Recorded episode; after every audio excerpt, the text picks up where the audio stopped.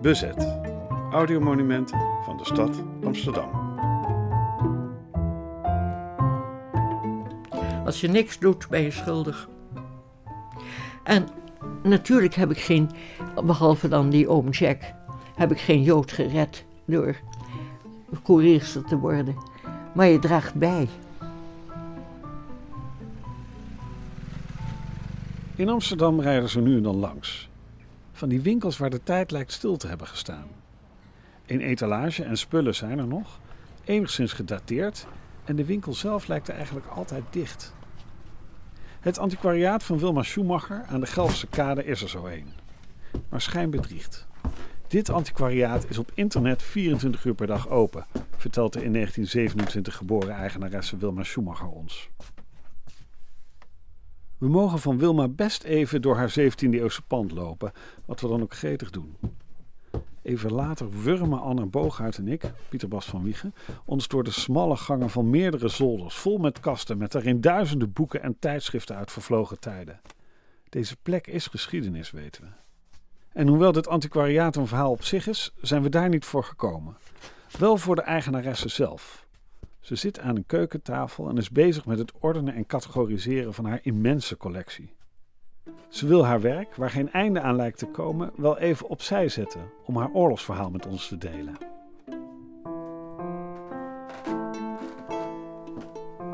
Ik lees de krant sinds mijn zevende. En dat was dus de Algemeen Handelsblad toen. Daar stond erg weinig in. Maar daarnaast dus de Groene Amsterdammer. Daar stond meer in over uh, Hitler-Duitsland. Want die was in 1933 dus aan de macht gekomen. Uh, maar mijn moeder was dus onderwijzeres. En die had kinderen van Duitse politieke immigranten, dus van sociaaldemocraten. En ik weet nog, was een meisje, heette Katie, de achternaam weet ik niet. Maar de moeder had permanent bloedende nieren, omdat ze zo geslagen was. Dus dan denk je al, dit kan niet.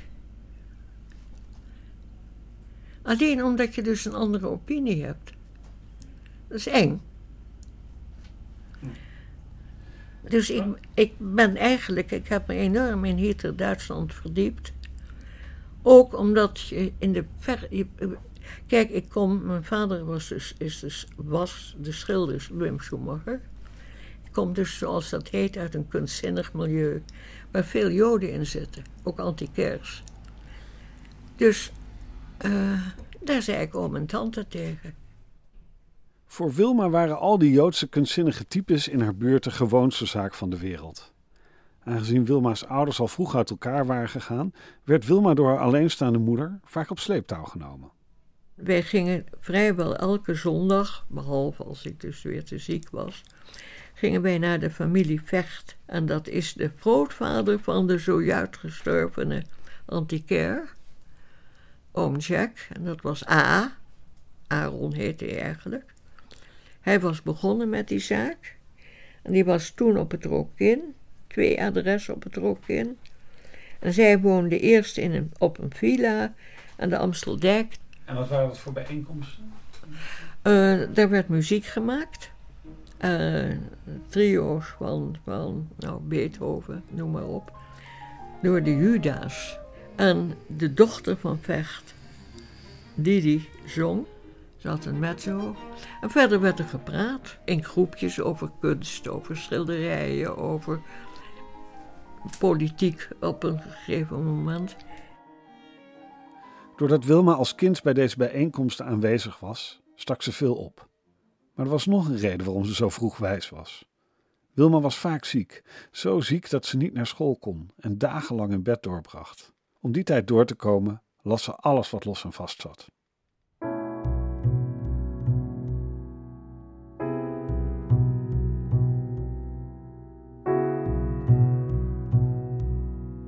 Op 10 mei kwamen die huiveringwekkende verhalen van wat er zich in Duitsland afspeelde opeens wel heel dichtbij.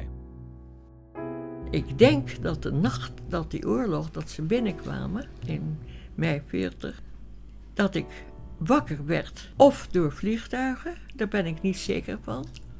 Maar wel dat mijn moeder en haar broer, die toen bij ons in huis woonde, en een radio had. Hij was zo'n radioamateur die met van die koptelefoons zo'n hele nacht kon zitten luisteren.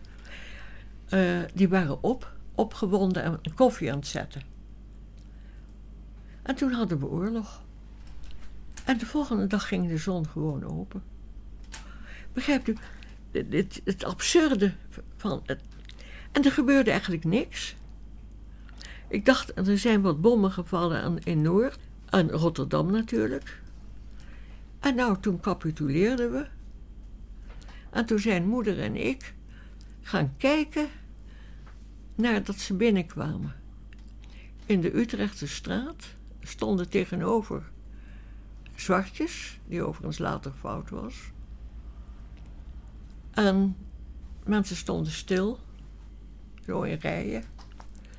En af en toe zag je een arm omhoog gaan. Tussen een NSB'er. Niet veel hoor. Verder stil. En toen, net zoals ik eigenlijk als iemand, een van mijn vrienden dood is, ga ik meestal kijken. Om te weten dat iemand dood is. Je moet zien met, dat ze binnenkomen. Aan het begin van de oorlog leek alles bij het oude te blijven. Ook de muzikale zondagmiddagen aan de Amsteldijk gingen gewoon door. Maar naarmate de tijd verstreek, trok de oorlog steeds meer het alledaagse leven binnen. Zeker voor de Joodse inwoners van Nederland werd het steeds lastiger. Wilma's moeder hielp waar ze kon. In de kruipruimte van hun huis aan de Karel du Jardinstraat 16 werd antiek van Joodse handelaren opgeslagen. En de moeder van Wilma deed boodschappen voor de familie Vecht. De familie Vecht moest verhuizen van de Amsteldijk naar het Afrikanerplein. En ik weet, dat was een heel klein huis dat ze de vleugel hebben meegenomen. En die stond op zijn kant. Begrijp je, dergelijk soort dingen herinner je, want je dacht, wat moeten ze in godsnaam met een vleugel op de kant? En toen zijn ze op het oude adres gehaald. Maar er was niemand, daar woonde alleen een dame die bij hun al jaren in huis woonde, tante Mies Schuikens, dus niet Joods. En toen, mijn moeder die deed er boodschappen voor tante Mary, dat vecht dus. Want een Jood mocht alleen tussen, uh, laten we zeggen, ik dacht één en drie boodschappen doen. En moeder komt dus op dat oude adres, want er was dan ook nog van alles, en hoort dat ze gehaald zijn. En gaat, gaat dus als de donder naar die Afrikanerplein.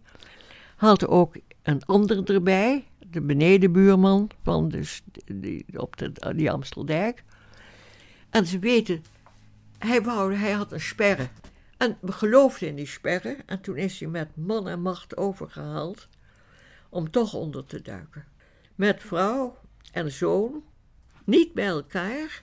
En hij is ook voor een tijd bij ons ondergedoken geweest. Dan moet je één ding zeggen: dat ik dat het zwaarste vond in de oorlog.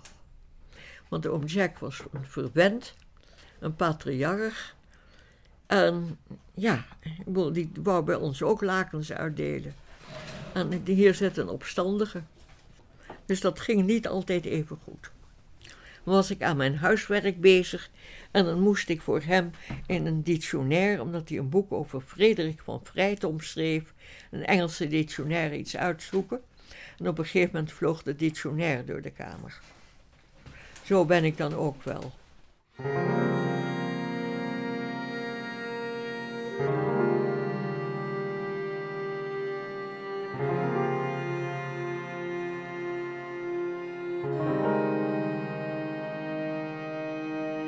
Moeder van Wilma werkte als docent op het Amsterdams Lyceum en probeerde waar het kon ook leerlingen te helpen.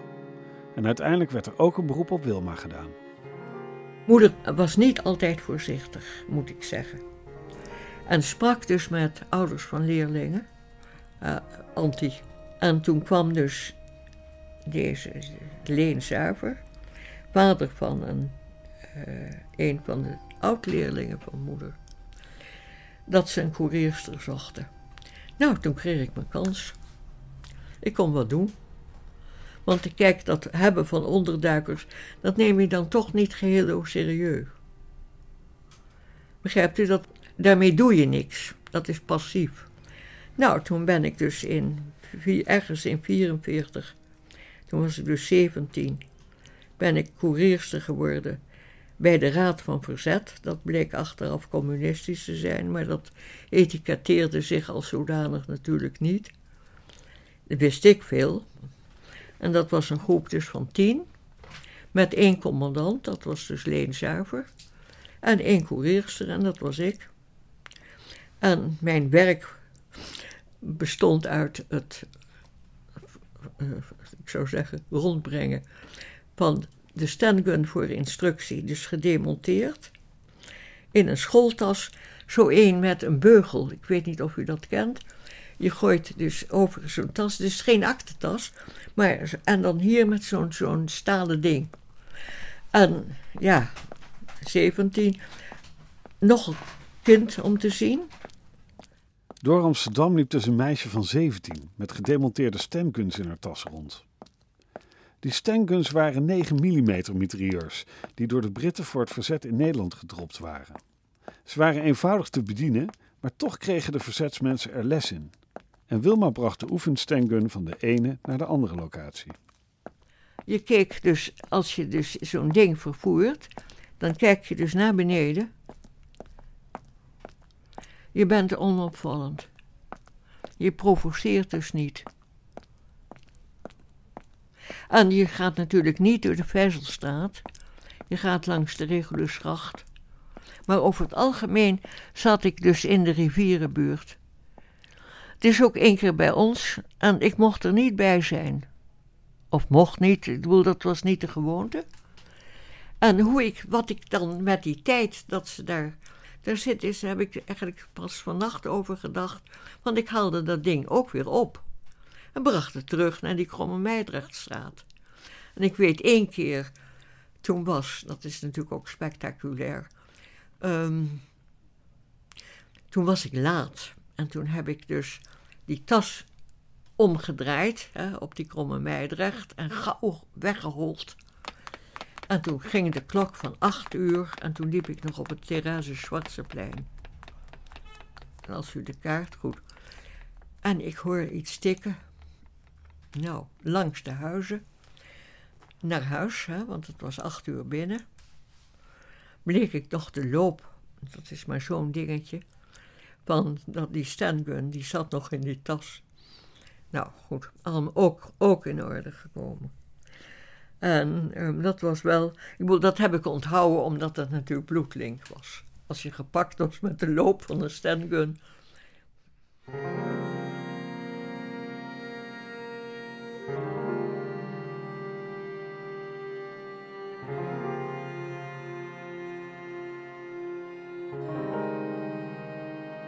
Ik vond het prachtig. Deed wat. In die tijd, je zou zeggen, lekker peu. Ik weet niet of dat, dat nog in is. Maar dan liep je, zag je zo'n Duitse soldaat op weet ik wat, iets in een uniform. En dan denk je, lekker, ik doe wat. Nee hoor, bang was ik niet. Sorry, dat kun je niet helpen. Dat zit in je. Begrijpt u, andere mensen zeggen ook, ja, was je niet bang? Nee, geen moment bang geweest. Blij dat ik iets kon doen. Er zat natuurlijk ook een klein element van Indiaantje. ik las in die tijd Winnetou, Old Shatterhand. Ja, dat zat er natuurlijk ook een beetje in. Niet, het was niet als avontuur bedoeld hoor. Ik zeg alleen, het zit er een beetje in. Zeg 5%. Niet meer dan dat. En ja, verder gewoon godverdomme kwaad.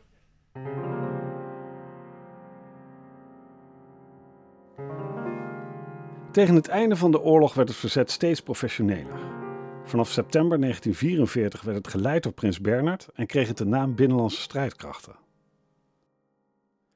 Wilma zag met eigen ogen hoe ook het oorlogstuig van het verzet steeds serieuzer werd. Maar ik ben ook geweest waar die wapens waren opgeslagen. En dat is bovenin de zolders, was dat de zolders, van de papierfirma Van Gelder. Weet u van Van Gelder Zonen? Een mooi papier. En daar herinner ik me, daar waren, dat zijn hele grote vakken. En daarin zaten jute zakken met uh, waarschijnlijk gedemonteerde standguns. En er lagen, toen ik daar was, ik moest dan iets overbrengen, maar ik weet bij God niet wat. Dus een, een een of andere missieve. Er lagen twee grote pijpen op de grond. En toen vroeg ik, wat is dat? En dat waren bazooka's. En toen hebben ze me uitgelegd wat een bazooka was. En ik heb ook toen daar gezien twee verschillende soorten uh, handgranaten. Eén was als een knijpkat. Een knijpkat was dus een, een, uh, een zaklantaarn die je door, doordat je hem beweegt, uh, elektra op. en er was er een, dus een, een modernere handgranaat. Die was dus knijpgat. Als je hem dus dicht houdt, dan doet hij niks. En als je hem gooit, dan gaat dus die pen omhoog. En dan ontploft hij na zoveel seconden. En er was ook een ding met een touwtje. Dan trok je aan het touwtje en dan moest je ervoor zorgen dat je hem gauw gegooid had. Want anders ging, ging jij er Dus dat vond ik allemaal heel interessant. En die wapens lagen er niet voor niks. Want de binnenlandse strijdkrachten werden vlak voor, tijdens en net na de bevrijding ook militair ingezet. Toen we op moesten komen, dat is dus in die meidagen 45 geweest, zaten we in de poort van Kleef. En de opdracht was samen met een politiegroep. Uh, dit waren twee compagnies. Hoe groot die precies waren, dat, dat weet ik niet. Dat, laten we zeggen, zoveel groepen maakten een compagnie. En onze compagniescommandant was Marine Skip. En de compagniescommandant van de andere was Ben Levy, was een Jood. Communistische en niet-communistische verzetsgroepen werden geacht samen te werken. En die poort van Kleef, waar Wilma zat, die lag om de hoek bij de Dam, waar de Duitsers nog alomtegenwoordig waren. Uit het verhaal van Wilma blijkt andermaal weer eens hoe chaotisch die april- en meidagen in 1945 waren. Ik, kijk, die, die, officieel is het 4 en 5 mei. Maar het heeft een staart, want ik dacht dat die schietpartij op de Dam, dat het de zevende is geweest. Nou, wij komen dus op eerder dan dat, met de opdracht, met die compagnies, met de opdracht om het paleis op de Dam, uh, het geldkantoor en het hoofdpostkantoor te nemen, samen met een groep politiemannen, die dus kennelijk goed waren. En dat was dus in die eh, poort van Kleef. En daar sliep je dus ook. En daar herinner ik me dat op die zevende, toen, is, toen was die dam vol met juichende mensen. Toen was er, een, dacht ik, een Canadese jeep is er even geweest. We werden toch bevrijd door Canadezen? En toen is de Kriegsmarine, die zat in de grote club, heeft zijn verstand verloren en die is gaan schieten. En toen zijn de mensen van mijn groep, maar waarschijnlijk ook meer, uh, voor zover ze bewapend waren,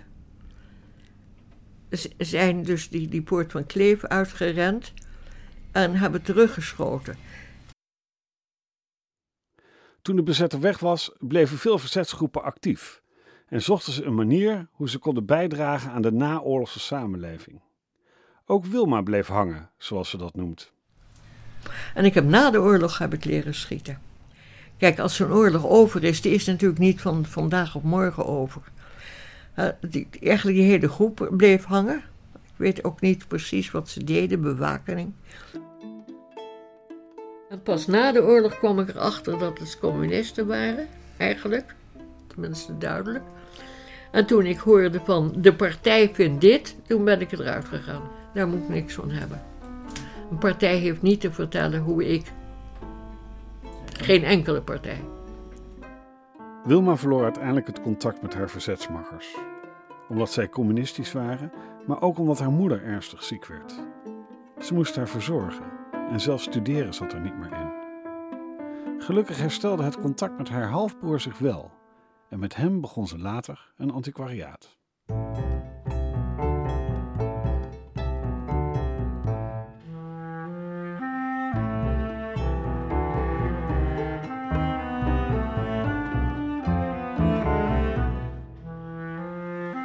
Je luisterde naar Een standgun in je schooltas, een podcast van Pieter Bas van Wiegen met muziek van Maarten Ornstein. Anna Boogaard was de redacteur. De podcastserie Bezet audiomonumenten van de stad Amsterdam is een productie van het Amsterdams 4 en 5 mei-comité. Klik vooral op de volgknop, want er verschijnen de komende dagen nog meer afleveringen.